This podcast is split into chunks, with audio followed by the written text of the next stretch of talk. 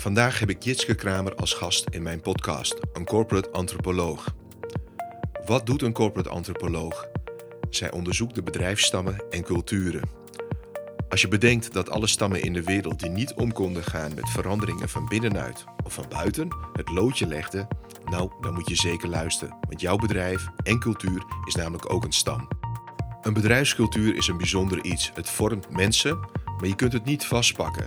Het is niet zoals een Excel-sheet die je even kunt doorgeven.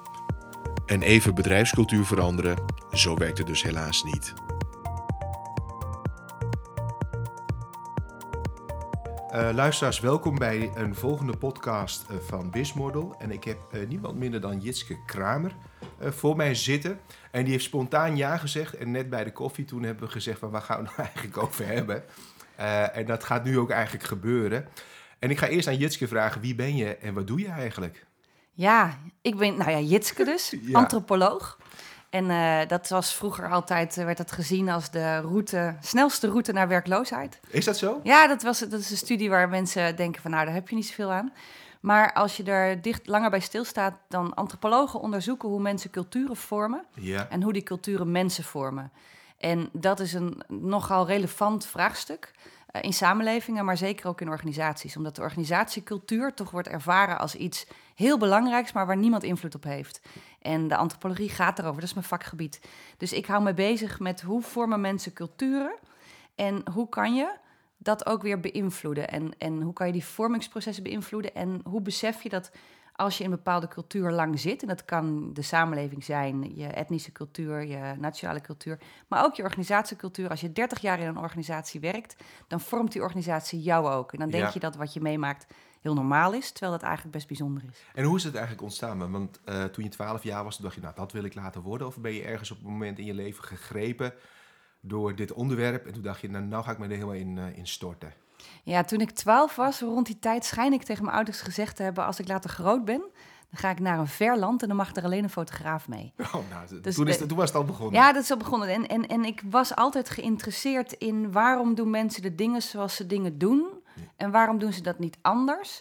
En waarom is wat we hier doen normaal en vinden we dat wat daar is heel niet normaal? En waarom vechten we daarover?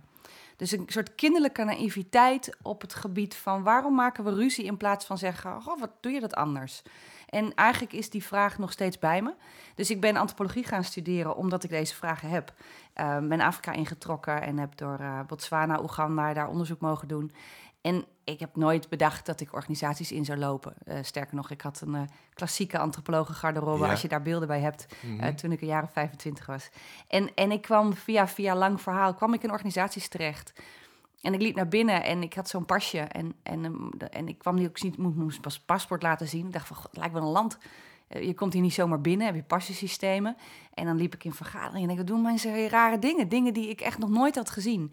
En eigenlijk was mijn cultuurshock in organisaties groter dan in de dorpen in Oeganda waar ik ben geweest. En toen dacht ik, dit is eigenlijk... Waarom was dat groter, de, eh, de shock? Omdat het, um, het, het zo, voor mij stond het zo naast het gewone leven. Dus, dus alsof je, dus mensen gingen popgesprekken, dat was toen heel hip, personal persoonlijke ontwikkelingsplannen. Ja, ja persoonlijke ontwikkelingsplannen. En, en dan ging je uh, een moment creëren waarin je zegt: Ik heb feedback voor jou. En dan ging je een feedbackgesprek hebben. Hm. Ik vind dat nog steeds een soort doodeng ritueel.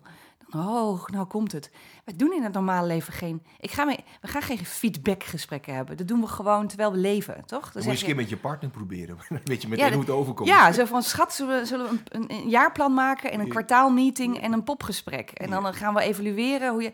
Ja, weet je, dus dat vind ik interessant. Ik denk, waarom doen we dat in organisaties? En wat, wat was, wat was jouw ontdekking? Want op, je bent antropologe. Ja. Je komt uh, bij een bedrijf binnen met zo'n pasjesysteem. Je moet zo'n paspoort hebben of eigenlijk een.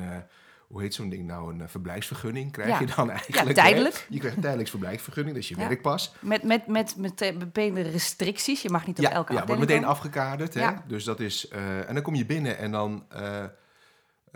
waar legde jij nou de link van... hé, hey, maar ik zie een link van wat ik gestudeerd heb... en ik zie ook zakelijke culturen of stammen ontstaan binnen bedrijven... en die gaan ook op een manier acteren eigenlijk, hè? Ja, dat is een geleidelijk proces geweest. In eerste instantie, um, omdat niemand antropoloog was bij mijn collega's, ik ben, werkte bij een trainingsbureau en die waren allemaal psychologen. En mijn klanten hadden allemaal MBA-achtergrond. Dus ik ben eerst bilingual geworden. Mijn eerste taal van de mensen omheen gaan spreken. En de dingen die ik zag, die zagen ze niet. En ik was jong, dus ik dacht, ik zie het wel verkeerd. En, ehm, en later ben ik dat pas weer gaan herkaderen als antropologie. En dan waren het dingen als gewoon het besef van, goh, wie is hier de leider? En dan werd er iemand aangewezen.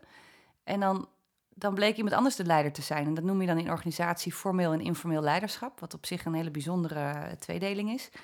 Maar ik dacht van ja, maar... zo, en dan vraag je, waar, waar moet je hier zijn voor de besluitvorming? En dan werd er een of andere boardroom aangewezen. Maar in de praktijk was het gewoon bij een koffieautomaat. En dat is gewoon hoe het in tribes ook is.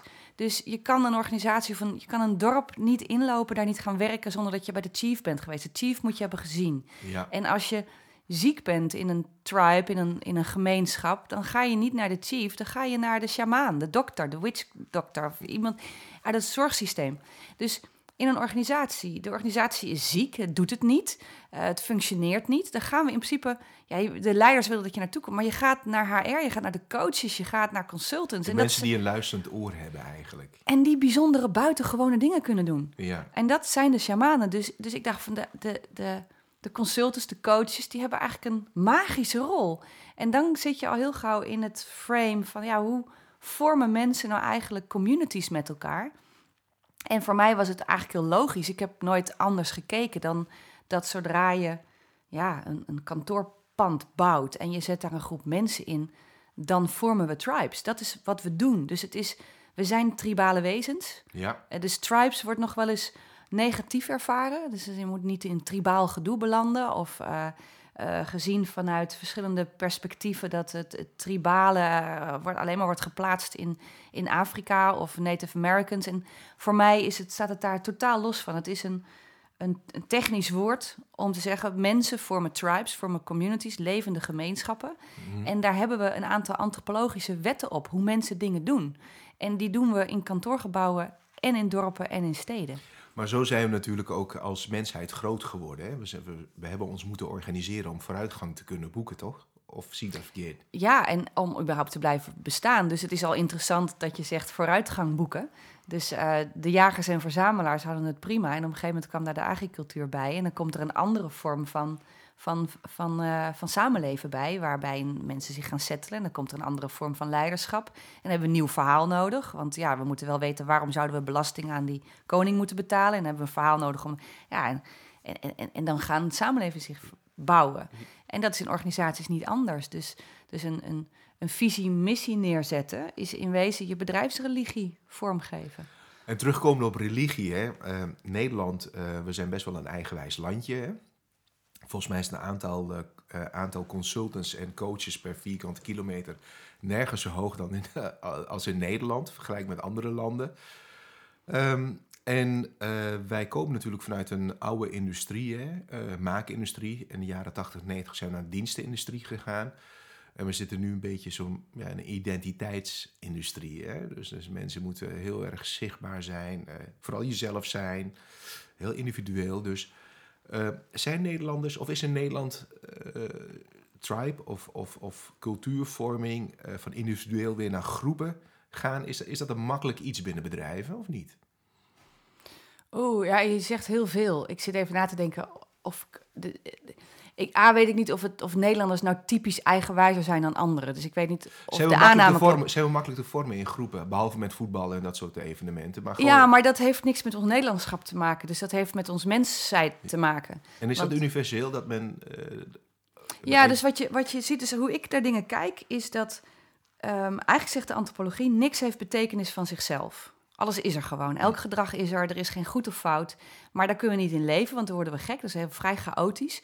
Dus we creëren met elkaar frames die gaan over dit is goed, dit is fout, dit is mooi, dit is lelijk, dit is waar, dit is niet waar. Dat is cultuur. Dus cultuur, en, en als we dan hebben, dit vinden we mooi, lelijk, dit vinden we waardevol. Vanuit die waarden ontstaan gedragsregels, normen. En vanuit daar gaan we gebouwen bouwen. Dat is daarin, uh, noemen ze solidifies culture. Dus het, het wordt daarin tastbaar, zullen we mm-hmm. zeggen. Nou, en daarmee is een hele mooie, snelle definitie van cultuur is unieke antwoorden op universele vragen. Dus elke groep mensen overal ter wereld heeft dezelfde vragen. Hoe doen we met leiderschap? Wat doen we met het individu? Wat doen we met de groep? Wat doen we met het onverklaarbare? Wat doen we met man-vrouw verschillen? En daar vinden we unieke antwoorden op. En ik denk als we naar Nederland kijken en de vraag hebben: hoe gaan we om met het individu in de groep? Dan hebben we andere antwoorden gevonden dan in, in Amerika, Frankrijk, Japan en, en Nigeria. Weet je, dus wij maken unieke antwoorden. Maar die antwoorden, hoe we met het individu in de groep om moeten gaan, is in Amsterdam ook alweer anders dan Maastricht. Ja. Dus groepen mensen en, en, en bedrijven vinden daar antwoorden op. En dan is denk ik wel in Nederland uiteindelijk, als we dat als, als een landelijke cultuur zouden zien, dus die, die, die regio een beetje pakken, dan zeggen we, nou ja, het individu is daarin wel belangrijk. Dus ieder voor zich, God voor En ons is dat allen. niet door, eh, door de politiek een beetje gefaciliteerd dat we afgelopen acht jaar dat het zelfredzaamheid eh, eh, ja, hoog op de agenda was komen te staan? Ja, En wil nog niet zeggen dat de mensen dat kunnen, hè? Dat, is dat is heel wat anders. De politiek Ja. kan het wel willen, maar. Nou ja, het, is in het verlengde van het, het gedachte dat je autonoom eh, op twee benen. Ik, ik ben, ik ben eh, opgegroeid eh, in de tijd dat een, een, een, een slimme meid is op haar toekomst Ja, voorbereid. Hè, dus dus Jaren hebben- 80 slogan was dat. ja, dat waren je tachtig. Zwaar beïnvloed. Ehm, dus, dus natuurlijk is daar iets dat we heel erg hier geloven. Dat, en dat is, dat is dus een, een invulling op de vraag... Hoe, hoe ga je gezond door het leven? Nou, zorg goed voor jezelf. Sta op eigen benen en maak je eigen keuzes. En, en als ieder dat nou doet, dan hebben we een mooie samenleving. En er zijn heel veel plekken op de wereld waarin het is van... nou ja, als ieder nou heel goed voor, voor elkaar zorgt... dus dan is de normering omgedraaid. We zorgen voor de groep en daarmee zorg je dus voor jezelf. Dat is een andere aanvliegroute. En ik denk dat het dominante verhaal in Nederland is zorg voor jezelf. En dat daar natuurlijk politiek op ketert, zou je kunnen zeggen, en stuurt. Ehm, maar vergeet niet dat in dorpen en in families en in allerlei subgroeperingen... dat niet overal hetzelfde antwoord is. Nee. Dus we hebben ook hier daarin diversiteit op. Maar het dominante verhaal is denk ik wel, nou ja, zorg voor jezelf en, en dan komt het goed. En als we dan kijken naar ehm, eh, zorg voor jezelf, hè, als we dan teruggaan naar eh, het bedrijfsleven, hè, want uiteindelijk ben je ook de, de, de bedrijfsleven ingerold Ja. met jouw kennis en kunde. In hoeverre zijn ondernemers, bedrijven, publieke sectoren met dit onderwerp bezig? Ze roepen het allemaal wel. Ja, dat vind ik. eh, daar een algemene uitspraak over doen is lastig. Ik denk dat heel veel ondernemers die ik spreek en, en publieke sector zijn bezig met, als het goed is, waarom ze op aarde zijn. Dus wat is hun doelstelling, wat hebben ze te doen? En over het algemeen hebben we daar mensen bij nodig.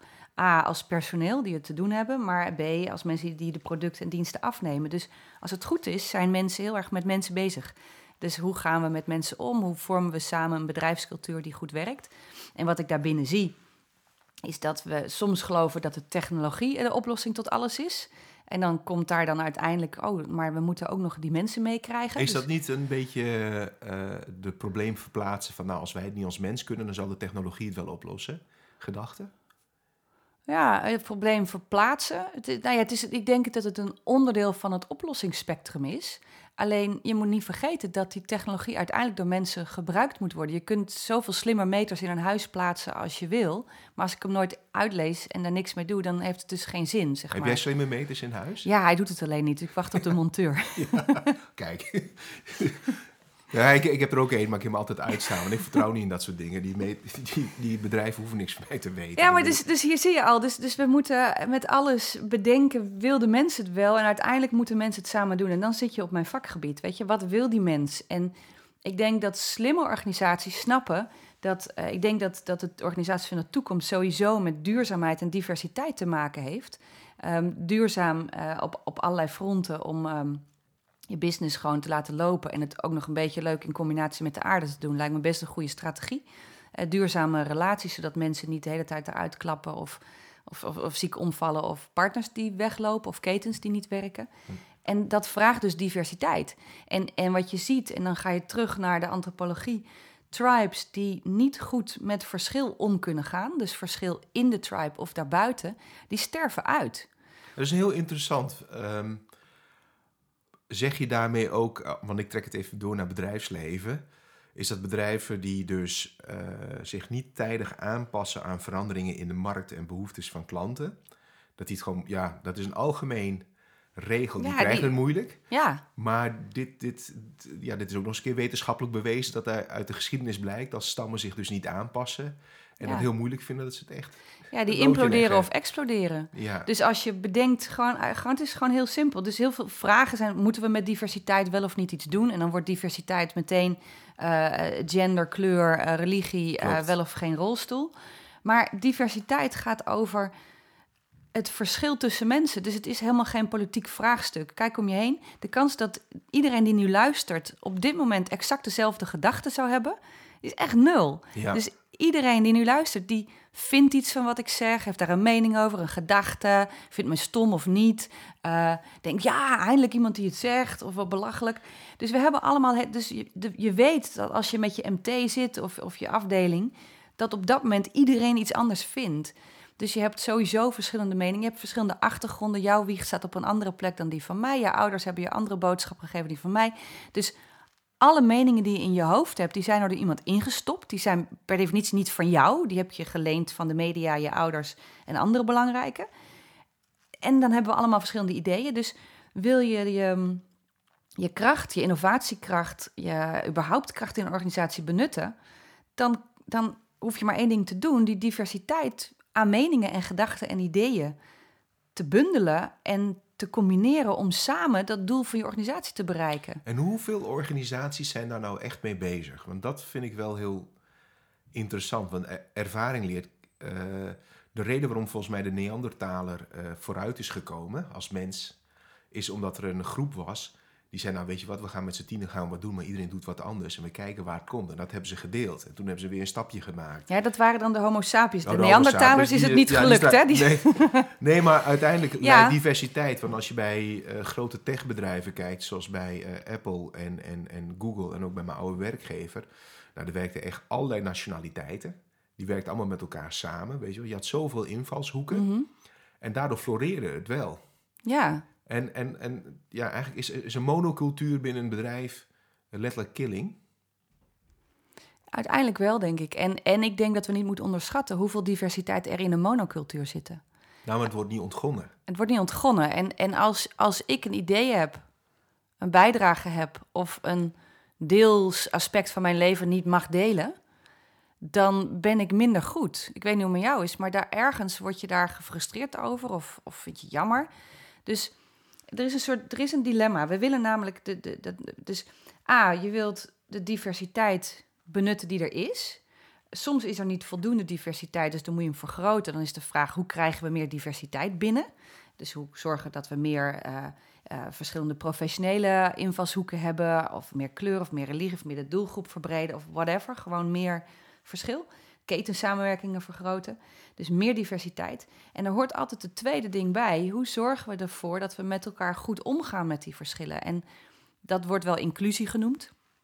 Wat gewoon een heel mooie term is voor eh, dat lussen we samen eh, het een beetje goed maken. Ja, En dat vraagt dat je met de paradox te maken krijgt die gaat over wees jezelf en pas je aan.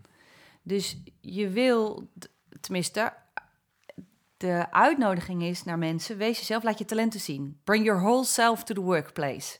Eh, werk hier met passie, ondernemerschap, je eigen ding laten zien. Ga voor wat jij vindt, autonomie, eh, authenticiteit, die hele alles. En dan tegelijkertijd is de vraag, maar we hebben wel een onboarding program waar we je even in twee weken of twee dagen blauw, groen of rood kleuren, afhankelijk wat je organisatielogo is. En daarin wordt je uitgelegd, pas je aan. Dus je hebt toch een ja soort... dit zijn onze kaders. Dit zijn de kaders Dus moet en doe een, even eh, normaal. ja, doe even normaal, ja. En, en daar zit een spanning op. En dat is de spanning die zit in elke groep. Dat is een, dat is een archetypische tribale spanning. Die zit ook in je huiskamer met je kinderen. Want natuurlijk wil je dat je kinderen uitgroeien tot prachtige, mooie, zelfstandige wezens in het leven. Maar ze moeten nu wel de was in de wasman doen. En ze moeten even normaal doen. En even niet zo met oma praten. Dus wees jezelf en pas je aan.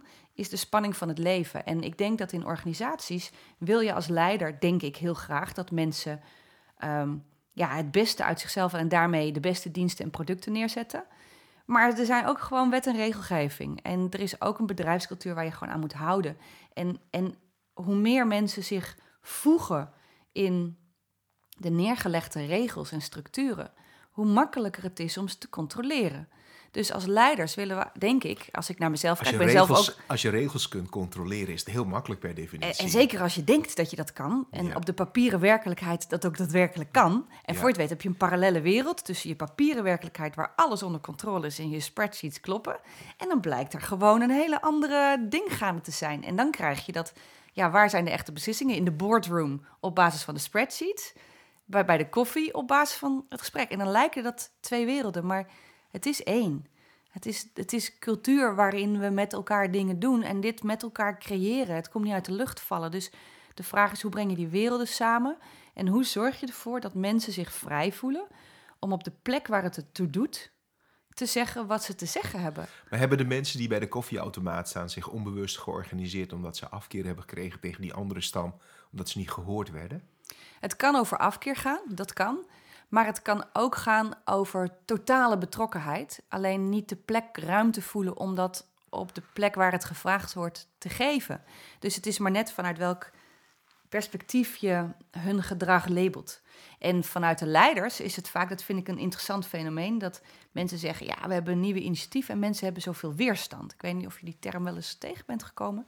Mensen hebben weerstand. Ja, oh, dat hoor je altijd. Bij elke verandering is eh, per definitie weerstand, maar ze vragen nooit door hoe komt de weerstand nou? En als je dan twee of drie lagen, of als je de ui gaat pellen van een persoon, dan blijkt dat helemaal geen weerstand is, maar dat er gevraagd is om in ploegendienst te werken. Maar dan kom je net aan de tijd dat die meneer of mevrouw zijn kinderen naar school brengt Ja, dus of haalt. Dus dat is een heel ander probleem. Kijk, Heel- weerstand, als je zolang je denkt in weerstand. Dus dat is mijn op. Ik zeg wel een beetje provocatief: weerstand is bullshit, het bestaat helemaal niet. Dat is een beetje provocatief. Maar wat ik ermee bedoel te zeggen is. Weerstand is vanuit het perspectief dat ik heb een idee en een gedachte en een verhaal en een strategie. En jij moet gewoon doen wat ik heb bedacht. En als je dat niet doet, dan toon je weerstand tegen mijn plan. En als ik dat voel, dan heb ik geleerd in allerlei managementcursussen dat ik dat moet ombuigen, moet masseren, moet eh, wegmotiveren, weet ik wat ik allemaal moet doen. Maar als je hem anders kadert en gewoon denkt, het is geen weerstand, maar het is gewoon een heel ander idee over dezelfde werkelijkheid. En als ik geloof dat alle ideeën samen ertoe doen en tot het beste besluit komen, dan ga ik niet wegmasseren, dan ga ik luisteren wat er aan de hand is. Ja, En dan voel ik mij uitgenodigd. Dus wat er in een tribe speelt, dus wat doen, dat is bij mensen. Wij zeggen altijd, op papier in ieder geval, diversiteit is heel leuk. We zeggen ook op papier dat iedereen stem geldt en dat iedereen gelijk is. Alleen in de, in de echte wereld vinden we sommige mensen leuker dan andere mensen. We mogen het niet zeggen, we vinden een paar mensen dom. Dus die vragen we Ja. niet, want als die slim waren, hadden ze mijn functie Ja. wel. Ehm, dat zijn allemaal een soort, ja, ik noem dat wel tribale guilty pleasures. Niet zo aangenaam, maar we doen het wel. Wat betekent dat als ik een ander idee heb dan het mainstream verhaal, is het al spannend om te zeggen. Want ik krijg misschien meteen pushback van, nou ja, belachelijk, waarom doe je dat? Als ik een ander idee heb dan de zittende macht, en de zittende macht zijn de mensen die invloed hebben op mijn zakgeld, zeg ik altijd. Dat heet tegenwoordig salarissen en ja, andere bonusstructuren of, of gewoon een schouderklopje in een leuk project. Dus mensen die invloed hebben op mijn dagelijks leven, als ik een ander idee heb, dan ben ik gewoon voorzichtig. Dus het idee wat we zeggen, een andere eh cultuurding is wie zwijgt stemt toe. ja. Nou, dat is ook niet waar. Nee. De, de mensen die het hardste zwijgen, vinden vaak iets anders. En dan zeggen we, nou, dan, maar als je niks vindt, als je iets vindt, dan moet je het zeggen. Anders moet je gewoon je mond houden. Terwijl zo werkt het gewoon niet. Dus als ik met organisaties werk, dan zeg ik nee, het is niet het individu die verantwoordelijk is om te zeggen wat hij te zeggen heeft, maar als leiders, maar als hele groep ben je verantwoordelijk om een sfeer te creëren, of een cultuur mag je het noemen, of een environment, waarin iedereen die te zeggen heeft wat hij te zeggen heeft, kan praten. Maar dat vraagt wel om heel andere type leiderschap uiteindelijk. Hè? Want de meeste eh, eh, managers en leiders eh, die zijn natuurlijk gevormd door een klassieke school, vaak. In de Anglo-Saxisch model of eh, het Duits model, zeg maar, afhankelijk van waar je, waar je opleiding hebt genoten. En, en ja, dan, dan om, om nu echt proactief te gaan luisteren en dan te zeggen van ja, maar we, we praten niet meer over weerstand, maar van goh, even een ander beeld daarover en laten we in gesprek gaan. Dat vraagt wel heel wat van, eh, van de mensen. Maar moet je dan niet Ja, hoe herken je iemand die dit uh, uh, kan en wil en ook echt doet? Want ik, ik kom wel eens mensen tegen die dat ook echt kunnen, maar die moet je wel met een zaklamp zoeken, om heel eerlijk te zijn. Ja, nou ja, weet je, om je eerste vraag, is het anders? Ja, ik doe echt een ander voorstel. Dus, dus dat klopt, het is anders. Um, de, de, de, de, kritiek die ik krijg is dat het wel heel idealistisch is. En mijn antwoord daarop is ja. Um, dus dat vind ik ook niet zo erg. Ik vind dat een ideaal is om na te streven. Dus, dus laten we met elkaar kijken.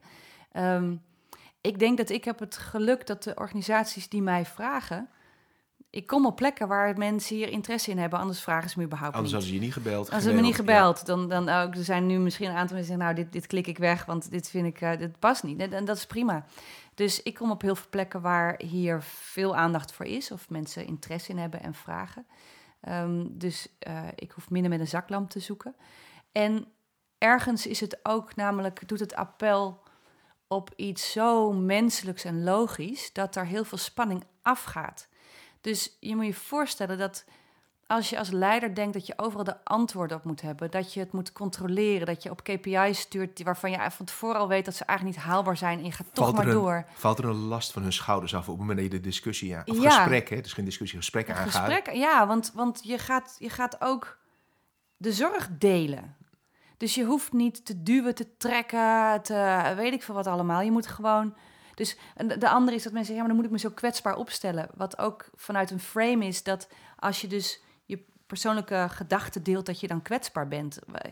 Ik vind dat een heel onhandig frame. Ik denk, nou ja, doe maar niet je kwetsbaarheid. Dat hoeft ook niet de hele tijd, maar deel je zorgen. Ja. En wat gebeurt iets, er? Iets niet weten of zorgen hebben is niet kwetsbaar zijn. Hè? Wat mij betreft niet. Dat is een open gesprek hebben. Ja. En dan heb je een open gesprek en dan ben je manager en dan zeg je, ja, weet ik veel, de, de, de, de, de revenue loopt terug.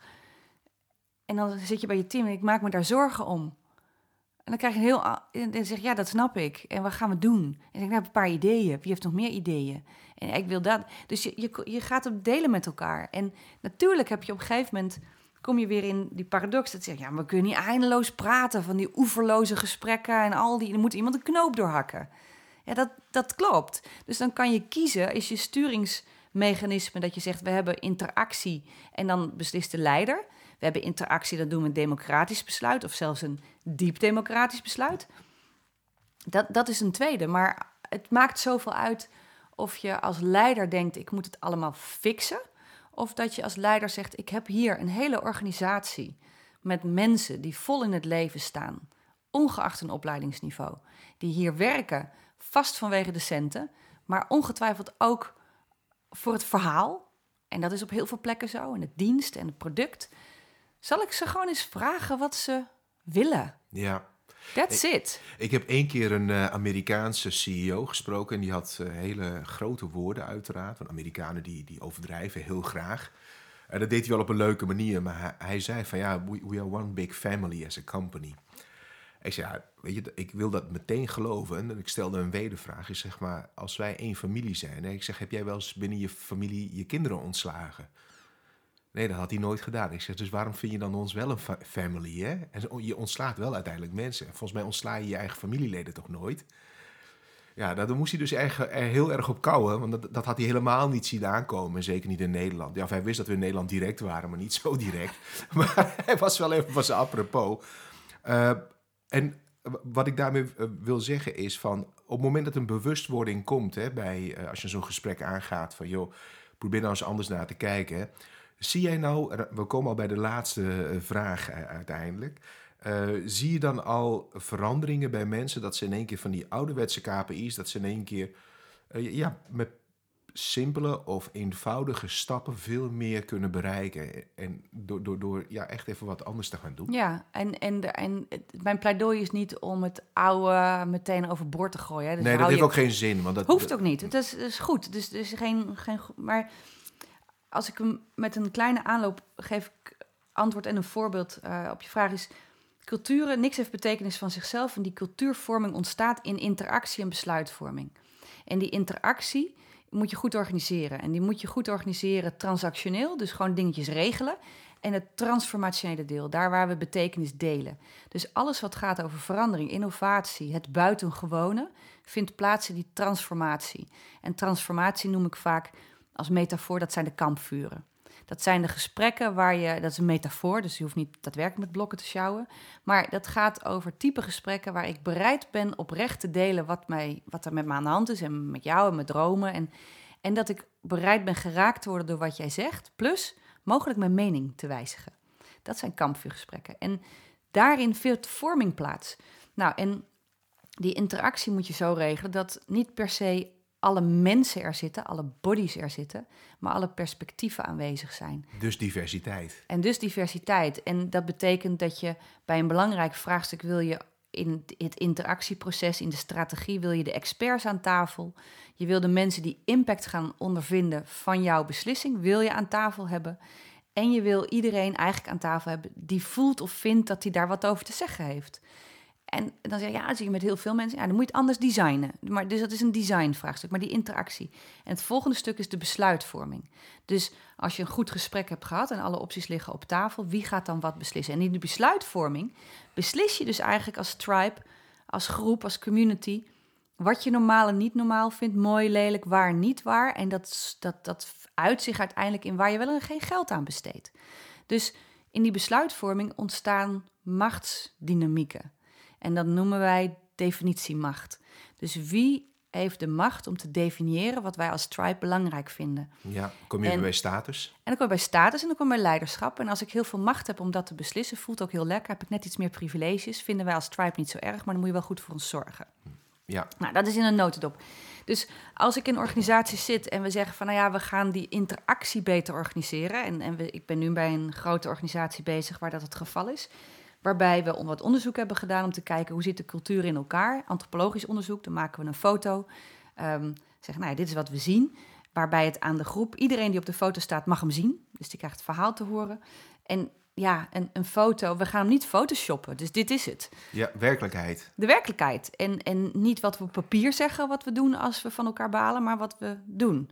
Dus die foto is niet per se altijd de mooiste Instagram filter, zullen we maar zeggen. Ehm, en dan is de volgende vraag, wat vinden we ervan, wat gaan we doen? En wij faciliteren dan dat gesprek. En daarin we doen we een leentjebuur bij um, uh, Le Grotla uh, dialoogprocessen uit Botswana. Um, waarin het Afrikaanse volksraadpleging, tribal leadership, waarin eigenlijk een heel democratisch proces en alle perspectieven worden uitgenodigd.